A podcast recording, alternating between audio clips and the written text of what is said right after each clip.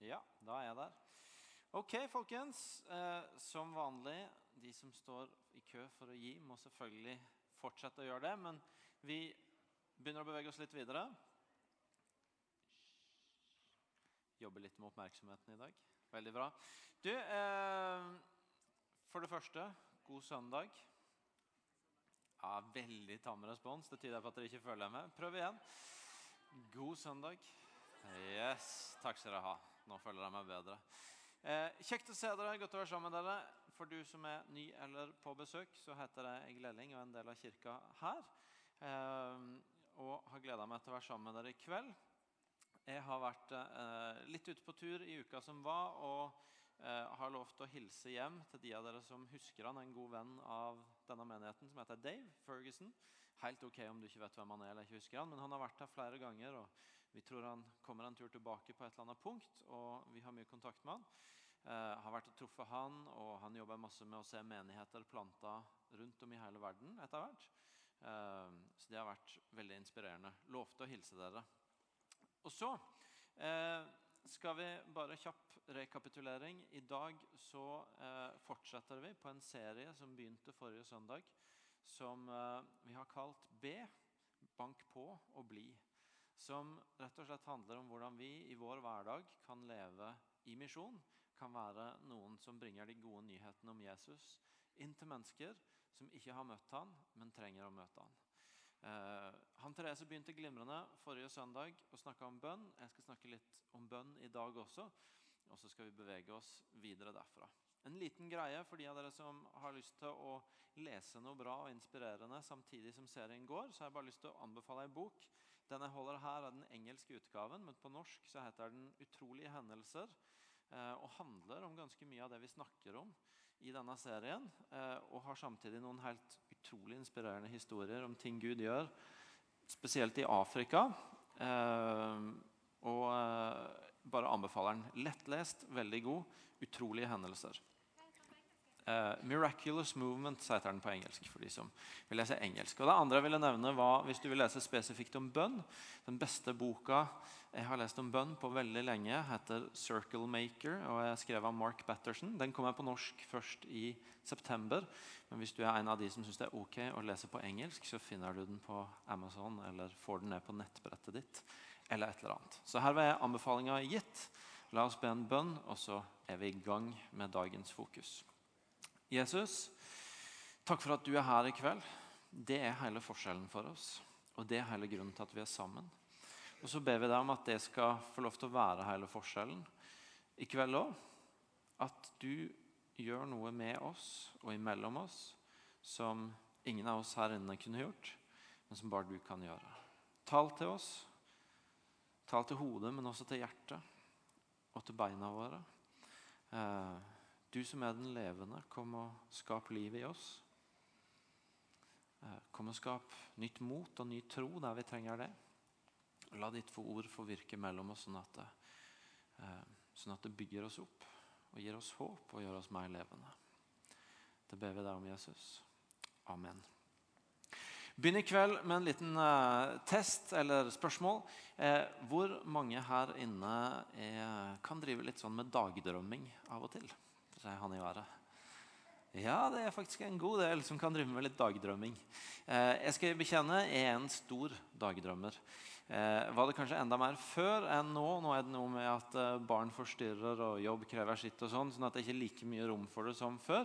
Men hvis du tar meg på fersken på en løpetur, så er sjansene store for at hodet mitt forestiller seg et seiersmål på Anfield Road eller et eller annet annet som jeg i det virkelige liv aldri kommer til å få oppleve. Altså, Jeg har opplevd seiersmål på Anfield Road, men at jeg sjøl scorer det, var poenget. Ja. Eh, eller andre ting eh, som jeg kan dagdrømme om. Eh, et av mine mest pinlige øyeblikk i oppveksten kom i en sånn dagdrøm. Ikke egentlig fordi at hendelsen i seg sjøl var så veldig oppsiktsvekkende, men mer fordi jeg bare kan, kan en dag i dag hente fram igjen når jeg tenker på den opplevelsen, den følelsen jeg kjente inni meg når det skjedde. Jeg spilte gitar som tenåring. Ikke spesielt flink. Eh, musikkskolelæreren min sa at jeg hadde et normalt talent. Og så er jeg ikke veldig glad i å øve. veldig vanskelig å vite hvordan du skal forstå et sånt utsagn. Normalt talent. Eh, men det vil i hvert fall ikke bety at jeg var helt uten talent. Eller talentløs. Men eh, ikke, et helt normalt talent. Ikke veldig glad i å øve. Eh, og det blei som det blei. Eh, men jeg var veldig glad i musikk. Jeg var veldig glad i gitaren min. Og eh, ei sommeruke hvor jeg visste at mamma og pappa var borte hele uka, så hadde jeg fått på meg elgitaren min. Eh, og eh, visste at jeg hadde huset for meg sjøl. Hadde ikke engang tatt bryet med å plugge i gitaren, men eh, satt på låta med den kuleste gitarsoloen jeg visste. og siden ikke ledninga var der og hindra meg, så var veien ut til speilet fryktelig kort. Eh, og jeg dro mine beste moves og mine beste grimaser som jeg tenkte passa seg på de rette punktene i soloen. Og idet jeg åpner øynene igjen, i det soloen går mot slutten, så ser jeg bare inn i øya til min svogers bror. Som jeg kjente akkurat godt nok til at det var usedvanlig pinlig. Eh, og akkurat dårlig nok til at det var så lett å finne en god måte å ro seg ut av situasjonen på. Eh, så Det er en av mine livs blemmer. Eh, sikkert mange som har vært borti noe av det samme. Men den dag i dag så kan jeg kjenne at oh, det der var litt klamt. Hvorfor snakker jeg om dagdrømmer? Jo, fordi at de fleste av oss er glad i store øyeblikk. Vi er glad i sånne store øyeblikk som er prega av fest, eller at noe bra skjer, eller noe som er noe som er verdt å stoppe opp for. Det kan, det kan være en glimrende gitarsolo, det kan også være på idrettsarenaen. Eh, det kan være andre ting. Og så er det jo veldig bra med store øyeblikk, men så er det av og til litt lett å glemme, som er med gitarspillinga, at veldig ofte bak et sånt stort øyeblikk så ligger der masse. Masse historier, masse ting som er skjedd og som er gjort, og som har vært veien til det øyeblikket. Som Eirik nevnte, Neste søndag så skal det stå 14 konfirmanter her. Og antagelig sitte en del veldig stolte foreldre i salen og etter hvert holde noen flotte taler til dem og skryte av dem og være stolte av dem. Og så vet i hvert fall foreldrene noe om at det er en del historier som ikke kommer fram den dagen, men som har vært en del av veien og som har vært en del av grunnlaget for at de er de de er i dag. Og også med det vi holder på med her i kirka, så er det jo sånn at uh, oh, Der kom jeg vann. Jeg kjente kaffelukt, men det var vann som kom. Det er helt greit. Jeg kan ta kaffen etterpå. Uh, uh, hvor var jeg? Jo Også her i kirka ikke sant, så er vi glad i de store øyeblikkene. Vi er glad i å feire de gode historiene om noe som har skjedd, om noe Gud har gjort. Og, som, og det er bra, for det trenger vi. Og så, kan vi jo glemme av og til at bak de historiene så er det veldig ofte mange små historier som ikke alltid vi forteller alt om, men som er en del av prosessen mot at det ble sånn. For to uker siden, andre påskedag, så sto Odd Bjarne sammen med meg her og fortalte en nydelig historie om hans vei ut av rus og tilbake til Jesus, og hvordan livet hans var forandra. Helt fantastisk å høre på. Og så fortalte han litt om veien sin der. Men så vet han og jeg og de som har vært rundt han, at det er også masse av den historien som vi ikke rakk å fortelle der, men som er en del av det. Av bønner som er bedt, av samtaler som er hatt, av kamper som er kjempa, før en kom til det punktet at en hadde det store øyeblikket det var å kunne stå her og fortelle den historien. Og Det er noe av bakteppet for at vi har en sånn serie som vi har i dag om det å leve i misjon. Nemlig at vi tror at vi tror helt oppriktig at det er sant når Markus 1 sier dette er de gode nyhetene om Jesus Kristus. Dette er evangeliet om Jesus Kristus. Vi tror vi har gode nyheter å gi til verden rundt oss. De gode nyhetene om Jesus Kristus, de gode nyhetene om Guds godhet som er tilgjengelig. Og så er det sånn at eh, det skjer ikke alltid med et knips at mennesker får møte Jesus eller har lyst til å møte Jesus. Og Derfor så handler det mer om et liv og en livsstil og et hverdagsliv enn om sånne enkelte store øyeblikk og hendelser som også har sin plass i det. Vi har lyst til å snakke om ikke bare de store hendelsene, men om det livet som ligger bak, om den livsstilen som ligger bak, som gjør at vi kan få være med i vår hverdag og bringe de gode nyhetene til mennesker rundt oss. Det er bakteppet. Og Så snakker vi om eh, å leve i misjon, og teksten som på en måte er fundamentet for denne serien, det er Lukas 10, en tekst eh, fra fortellinga om Jesus som har vært viktig for oss hele veien når vi har snakka om det å leve i misjon. Og Der sender Jesus ut 72 disipler. De skal gå til de stedene han sjøl skal besøke, eh, og forkynne at Guds rike er kommet nær. Og Så begynner Jesus med å si, når han snakker til dem, så sier han høsten er stor, arbeiderne er få. Og Det er et utrolig viktig utsagn å få tak i. Høsten er stor, arbeiderne få. Høsten er stor. Det Jesus egentlig sier der, det er at eh, rundt dere så er det veldig mange mennesker som egentlig er klare til å høre de gode nyhetene. Som, som er klare til å høre at Guds rike er kommet nær. Som er klare til å få en smakebit av Guds godhet. Som er klare til å høre de gode nyhetene om Jesus Kristus. Det er masse mennesker rundt dere som står klare. Et annet sted, i Johannes 4, så sier Jesus det med litt andre ord. Han sier, dere sier, ennå er det fire måneder til innhøstingen. Med andre ord, dere sier at det at folk er klare til å bli kjent med Jesus og til å ha et forhold til Guds rike, det, det ligger et stykke fram. Men jeg sier dere, løft blikket og se på markene. De står alt hvite mot høst. De som høster, får sin lønn og samler inn grøde for det evige liv slik at de som sår og de som høster, kan glede seg sammen. Se, høsten er stor. Hvordan vi ser på virkeligheten rundt oss, er ikke uvesentlig. Vi lever i et land og i en del av verden hvor det er nok av rapporter og statistikker og alt sånt som prøver å fortelle oss en historie om at eh, det med tro, det med Jesus, det med Guds rike, det er ikke så utrolig populært lenger tall som peker nedover, fortellinger om at det skulle være irrelevant, utdatert, ikke noe å satse på. Som også veldig lett forteller oss som tror, en historie om at det ligger litt lavt med det der. Ikke, ikke vær for ambisiøs på flagge noe sånt, fordi at det, eh, verden rundt er egentlig ikke er interessert. Men du kan jo få ha troa di for deg sjøl. Det er ok. Og så, er det lett for oss å fortelle oss sjøl og høre den historien og la det bli virkelighetsbildet vårt. Og så vet jeg, og vi i denne kirka har masse historier om, at det er ikke hele historien. Masse fortellinger om at oi, de var jo interessert i Jesus allikevel. Oi, de som så ut som ikke trengte Guds godhet, trengte det allikevel. Det gikk ikke an å måle på hvordan noen så ut utapå, om de trengte Guds godhet i livet eller ikke. Og det var ikke alltid sånn at det vi tenkte var umulig, var det. For Gud så var det mulig. Og så har vi masse erfaringer på at det er ikke sikkert vi skal la oss underkaste av den historien som hele veien fortelles om at uh, alt går nedover, det er utdatert, irrelevant. Det er ikke noe vits i å flagge det. Vi har faktisk ganske mange historier som forteller oss noe annet. Og Jesus sier, 'Se, høsten er stor. Det er mange som har lyst til å høre.' Og Det tror jeg bare er en viktig startpunkt for Jesus å si til oss. at ikke, ikke snakk deg ut av. Du har ikke tillatelse til å snakke deg ut av det oppdraget jeg har gitt deg. Du har ikke tillatelse til å snakke deg bort fra det oppdraget jeg har gitt deg, eh, med å formidle de gode nyhetene om Jesus Kristus. Jeg har ikke lov til det. Vi har ikke lov til det.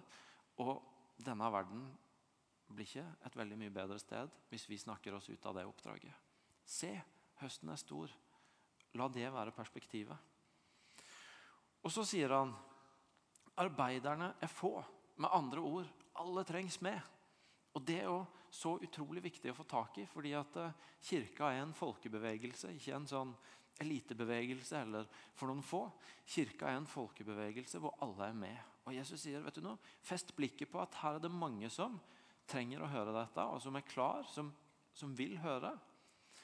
Og husk at det er ikke så mange som kan være med å fortelle, så alle må være med. Bli med på å dele det.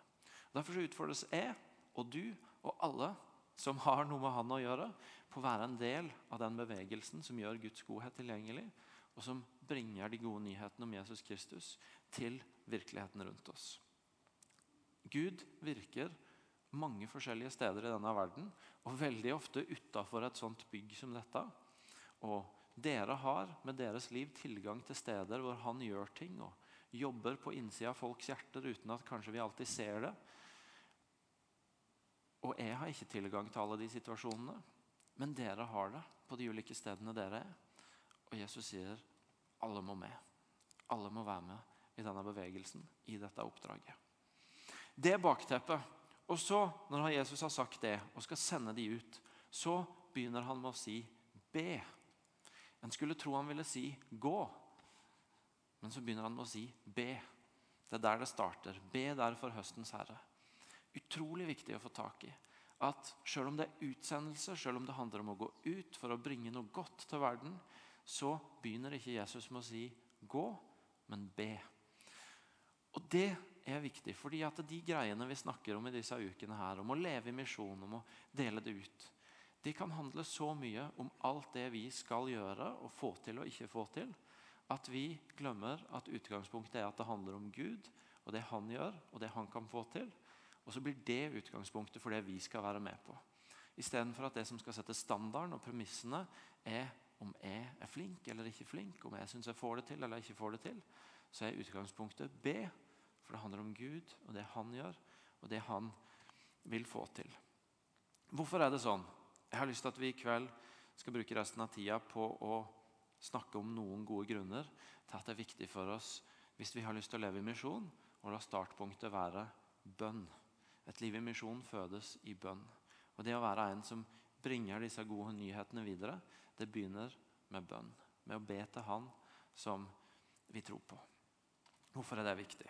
Jo, For det første så er det viktig pga. oss sjøl og pga. vår rolle i dette. Eh, la oss være ærlige. For en del av oss så går det ikke det med å dele troa si og det å bringe gode nyhetene om Jesus til verden rundt av seg sjøl. Det er ikke alltid det enkleste vi gjør i denne verden. Noen gjør det helt naturlig og har ei utrustning på det og gaver på det. og Det er det letteste de gjør. Men for ganske mange av oss så er det ikke sånn at det er det enkleste i denne verden. Å snakke om tro eller å gi videre dette vi har møtt. Det er lett å bli litt blyg, litt sjenert, litt tilbakeholden, lure litt på hvordan det er. Og så utfordres vi på det. Og så er bønn faktisk et sånt grunnleggende sted for å komme over de hindringene. Ehm, for det første En av de hindringene som vi snakker om, kan handle om at vet du noe, jeg syns ikke jeg får til det der. Jeg syns ikke jeg får til å snakke om troa mi. og Jeg, jeg syns ikke jeg er noe flink på det. Og det kan handle om, kan handle om at uh, jeg har prøvd prøvde å dele troa mi. Og, og det, det, ble ganske klamt. Jeg syns ikke det gikk så bra. Det ble ikke så mye ut av det. og Egentlig så var jeg ganske flau etterpå. Uh, kan ha hatt en dårlig erfaring. Det kan handle om at du bare syns det høres skummelt ut. Jeg vet jo nesten ikke om jeg tror sjøl, eller hva jeg tror, eller hvordan jeg skal snakke om det. Og så skal jeg begynne å snakke med andre om det. Føler meg ikke så stø, så trygg. Høres ukomfortabelt ut. Og så har jeg ikke lyst. Eller det kan jo handle om at jeg har bilder i hodet som forteller en eller annen sånn historie om at jeg har sett noen andre gjøre det. og Hvis jeg skal være helt ærlig, så hvis det er sånn det er, å gi de gode nyhetene videre, så vet jeg ikke om jeg har lyst til å være sånn. Jeg så han som sto og ropte etter folk på gata der, og tenkte at jeg har ikke så lyst til å gjøre det. Eller et eller annet eksempel. Og så, og så lager du deg bilder som du tenker at sånn har ikke jeg lyst til å være. Noe av det vi kan gjøre når vi ber, og som jeg gjør ofte, det er å gripe fatt i løfter som Gud har gitt oss. Og holde fast i at vet du noe, Gud, det har du sagt i ditt ord. Og det er mitt utgangspunkt for hvordan jeg møter denne situasjonen eller denne utfordringa. Jeg starter hver dag med å lese litt fra Salmenes bok.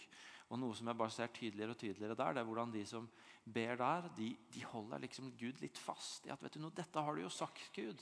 Sånn er jo du, Gud. Ja, men da, da Se rundt meg, da, Gud. Hvis det er sånn, så kom an. Og så, og så, holder de fast i hvem Gud er, og de løftene han har gitt. Og så blir det et utgangspunkt for å be. Og Når vi snakker om det vi snakker om i dag, så har jeg lyst til å peke dere mot et løfte som Jesus gir i starten av evangeliene. For når Jesus kaller sine disipler, så sier han, og han er sitert på det i både hos Matteus, og Markus og Lukas, at han sier 'Kom og følg med, og så vil jeg gjøre dere til menneskefiskere'. Kom og følg med. Der er det et kall, en invitasjon. Og så vil jeg gjøre dere til menneskefiskere. Der ligger det et løfte. Det kan hende at du syns menneskefisker er et rart ord. Jeg vet ikke om Jesus ville brukt det hvis han levde i dag. Og, eller han lever i dag, men hvis han sa det i dag eh, Arresterer arrestere meg her på veldig grunnleggende teologifeil. Eh, hvis han skulle sagt det i dag vet jeg ikke om han hadde valgt det ordet. Det er ikke veldig vanlig ord i vår tid, men ikke sant? det han sier, er egentlig bare Kom og følg meg, og så vil jeg gjøre dere til en som naturlig lar andre få møte de gode nyhetene om Jesus og få finne veien tilbake til Gud. Jeg vil gjøre deg til en som hjelper mennesker til å finne veien tilbake til Gud. Han som har skapt dem og gitt dem verdi, og er den som har det beste livet for dem. Og jeg vet ikke hvordan det er med dere. Jeg har en eller annen sånn merkelig hang mot å lese sånne ord som det. Og så er det så utrolig lett for meg istedenfor å tenke at å ja, der lovte jo Jesus meg noe. Så tar jeg det til sånn sjølevaluering.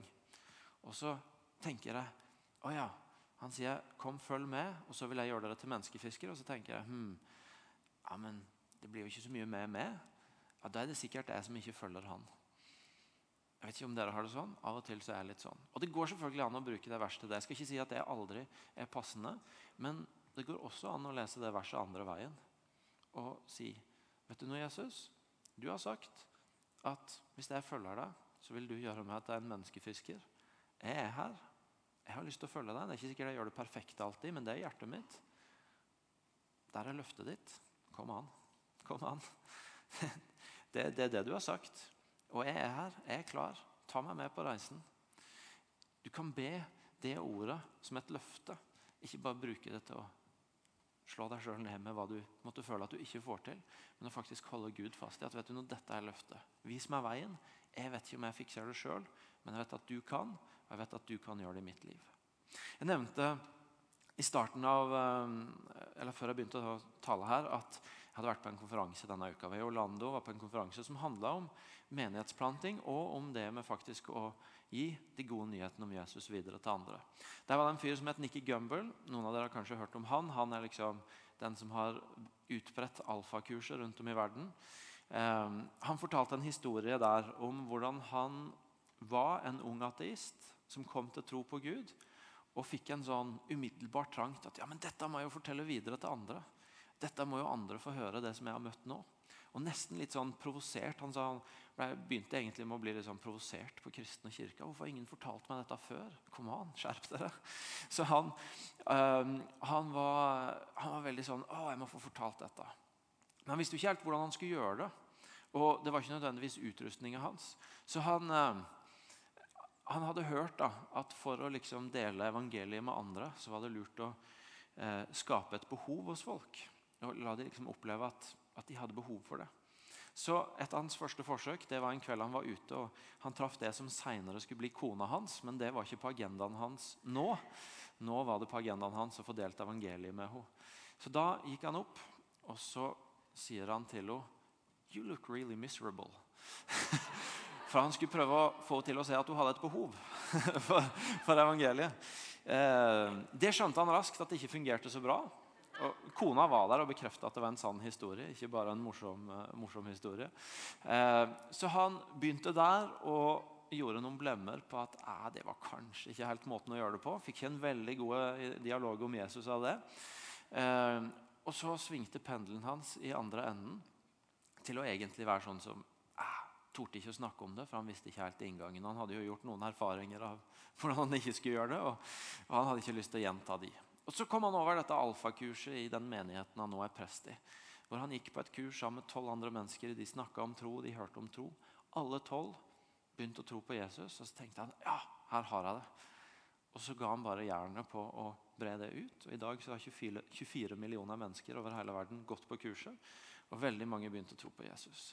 Forteller ikke historien for å si at bare hold fast i det løftet, så skal du få snakke med 24 millioner mennesker om Jesus men for å si at vet du noe, det er ikke, det er ikke alle det faller naturlig for, og alle som bare er perfekte i dette her.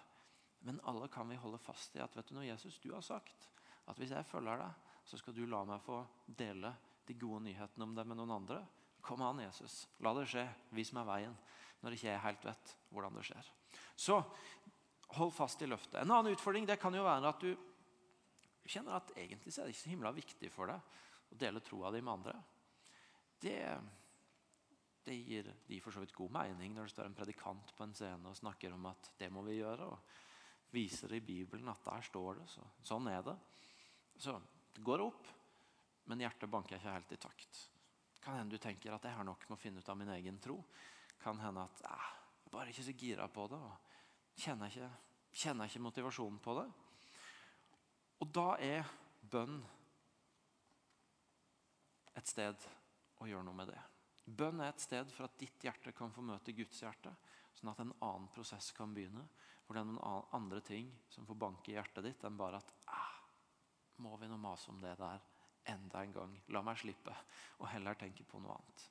Paulus, en stor misjonær som vi leser om i Bibelen, han skriver og som leder mange mennesker til tro. Han skriver i 2. Korinterbrev, et brev til menigheten i Korint.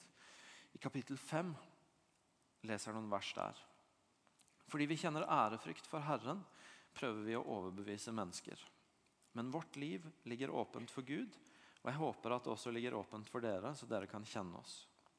Vi vil ikke enda en gang anbefale oss sjøl for dere, men vi vil gi dere anledning til å være stolte av oss, så dere kan svare de som skryter av det de er i det ytre, og ikke i hjertet.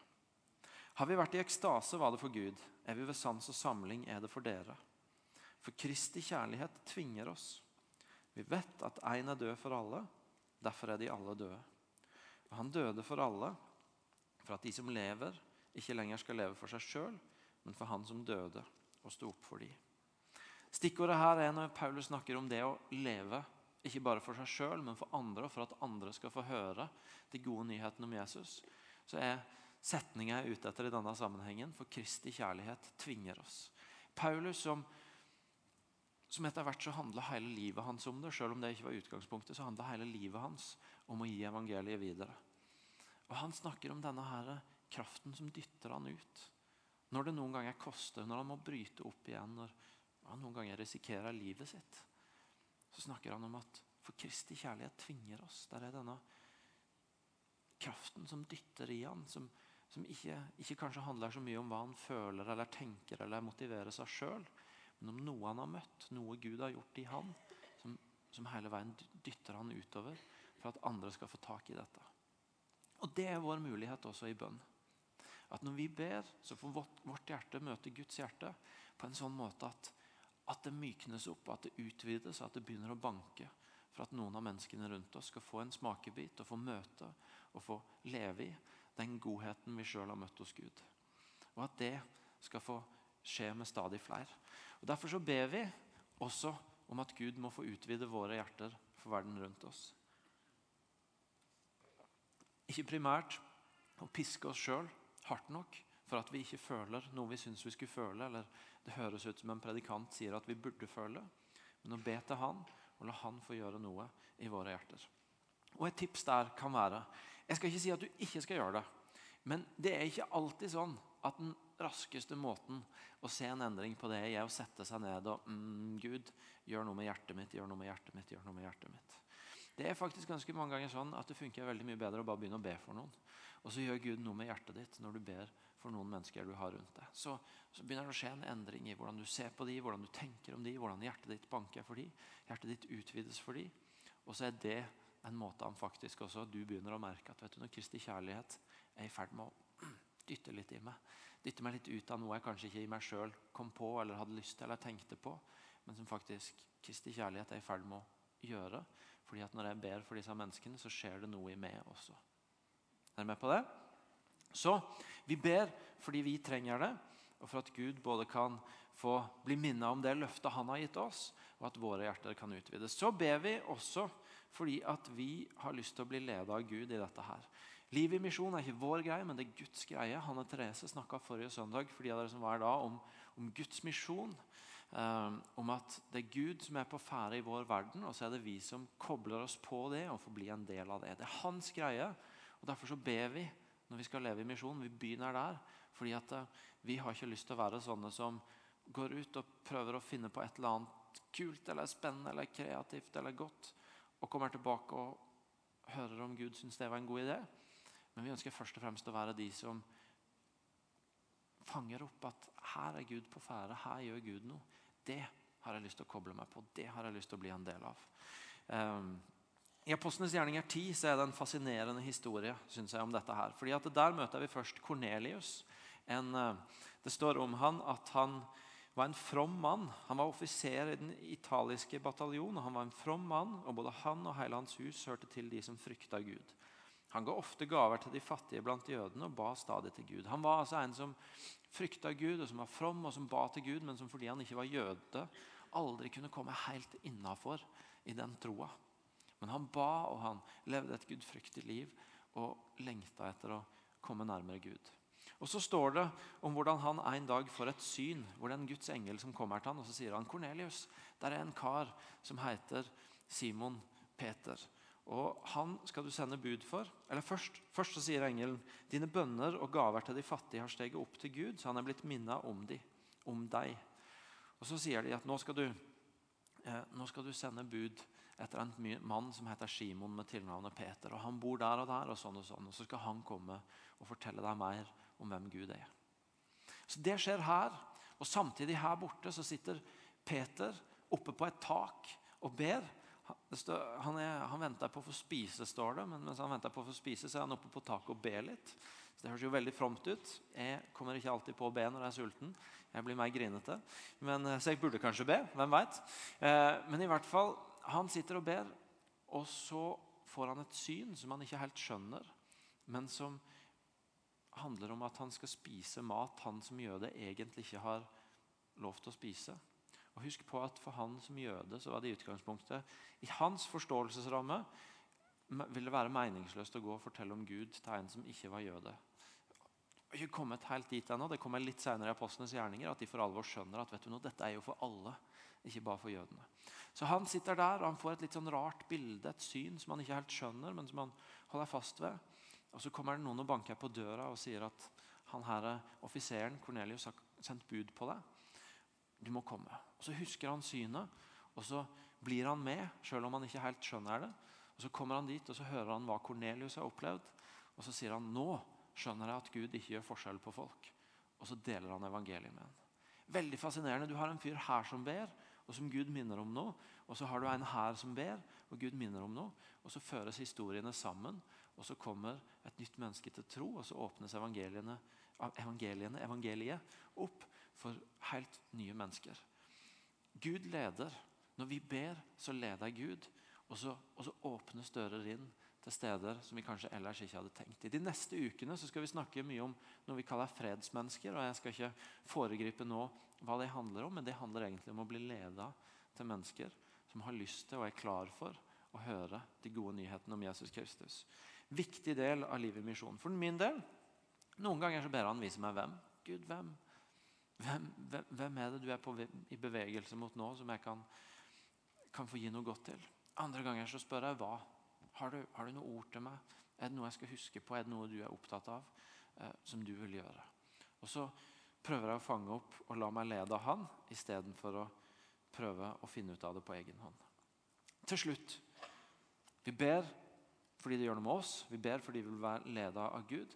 Og så ber vi selvfølgelig, og sist, men definitivt ikke minst, fordi at bønn beveger Gud. Og fordi at når vi ber, så kan Gud gjøre det som ikke er mulig for oss, men som er mulig for Han.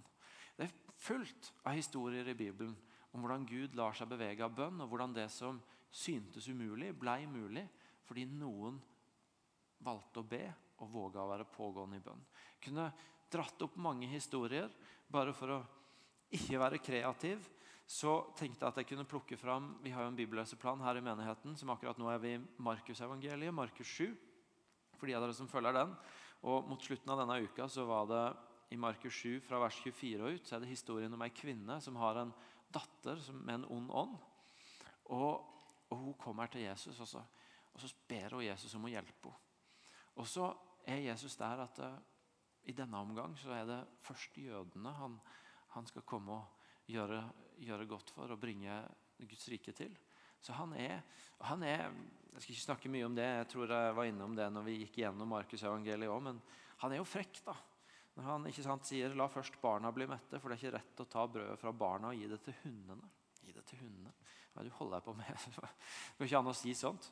Men, eh, men i hvert fall så essensen i svaret er Nei, det er ikke, tida er ikke kommet for at jeg skal gjøre det mot du. Og så er hun pågående, og så ber hun, og så svarer hun like kjapt tilbake. 'Herre, sjøl hundene under bordet spiser jo smulene etter barna.' Og Så sier han til henne, 'Fordi du sa dette, så sier jeg deg, gå hjem. Den onde ånden har forlatt din datter.' Hun gikk hjem og fant barnet liggende på senga. Den onde ånden hadde forlatt henne. Hun ba, og hun bevegde Gud. Hun bevegde til og med når hun hadde ikke fått svar med en gang. Så holdt hun ut, og så så hun noe skje som hun ikke kunne gjort sjøl men som hennes bønn gjorde noe, skapte noe, ble utgangspunktet for at Gud gjorde et mirakel som hun ikke kunne gjort. Og sånn er det. Misjon er ikke vår greie, det er Guds greie. Vi kan aldri vinne noen på egen hånd inn i et eller annet. Det vi kan gjøre, er å formidle de gode nyhetene om Jesus som vi sjøl har møtt. Og formidle Guds godhet som vi sjøl har fått ta imot. Og så er det Gud som gjør noe med mennesker. Paulus skriver et sted at én planta og én vanna, men Gud ga vekst. Det er alltid Gud som gjør miraklene. Det er alltid Gud som bringer mennesker tilbake til seg.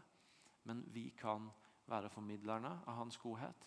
Og vi kan være de som ber om at han gjør det som vi ikke kan gjøre. Derfor så ber vi for at han skal gjøre noe med oss. Vi ber for å fange opp hvor han er på vei. Og vi ber for at han skal gripe inn der hvor vi står uten alternativer. Yes, Det er det jeg hadde lyst til å dele med dere i dag. Og Så er invitasjonen rett og slett å være med og be.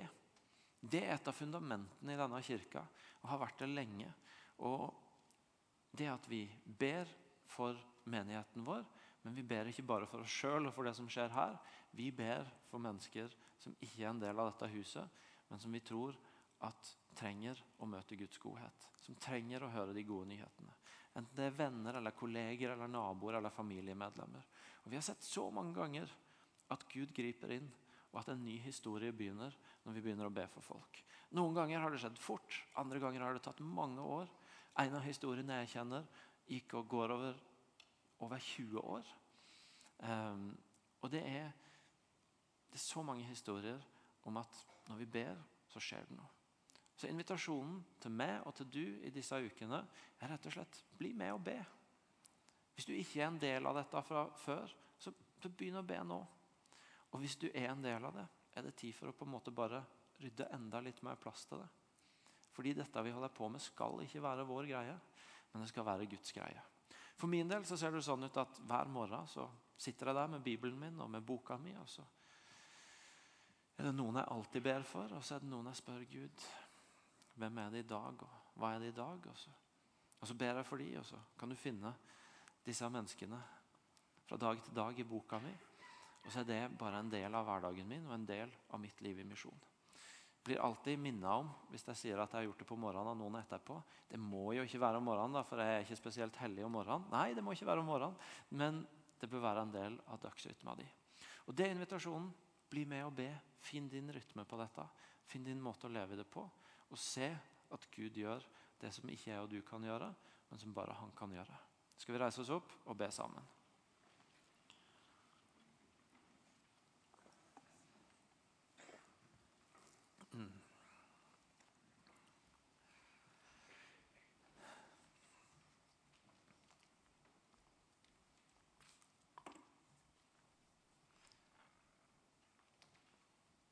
Jesus, vi er utrolig glad for at dette her er din greie og ikke vår greie. Vi er utrolig glad for at du har gitt oss bønn som, som et sted hvor vi får uh, være sammen med du. Og hvor vi får la våre hjerter møte ditt hjerte. Hvor vi får holde fast i at det vi ikke kan, det kan du. Hvor vi får holde fast i at det du har sagt, det tror vi står fast. Og eh, det har vi lyst til at skal prege våre liv. Og så er vi utrolig glad for at i den posisjonen så kan vi høre deg. Sånn at vi ikke bare går på våre egne mer eller mindre gode påfunn, men vi går på ting du minner oss om. Og vi kan få legge grunnlaget for mirakler, for ting som ikke vi kan skape, men som du kan gjøre. Akkurat nå så har vi bare lyst til å be deg om å,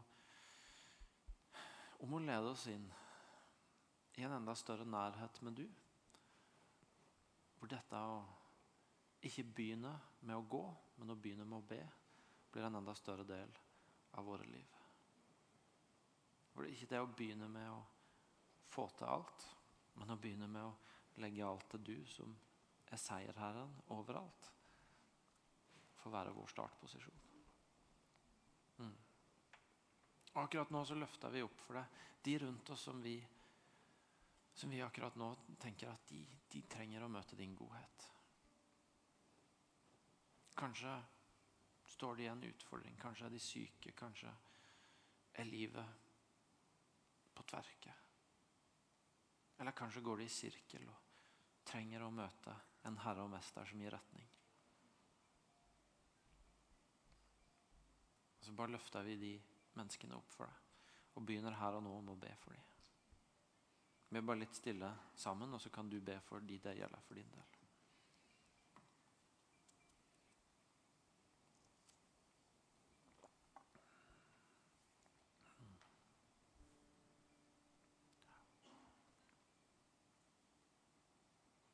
Og Gud, mens vi ber, så begynn gjerne å lede oss og minn oss på ting nå.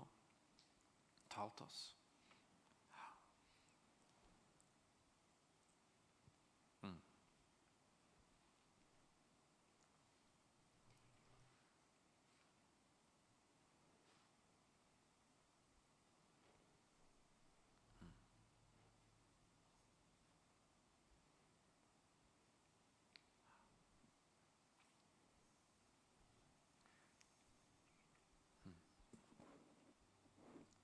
Gleder vi oss Jesus, til å se hva som skjer når vi løfter opp det med å be igjen. Vi gleder oss til å dele historiene om det du gjør. Takk, Jesus. Takk, Jesus. Amen. Fantastisk. Da skal vi tilbe Gud sammen.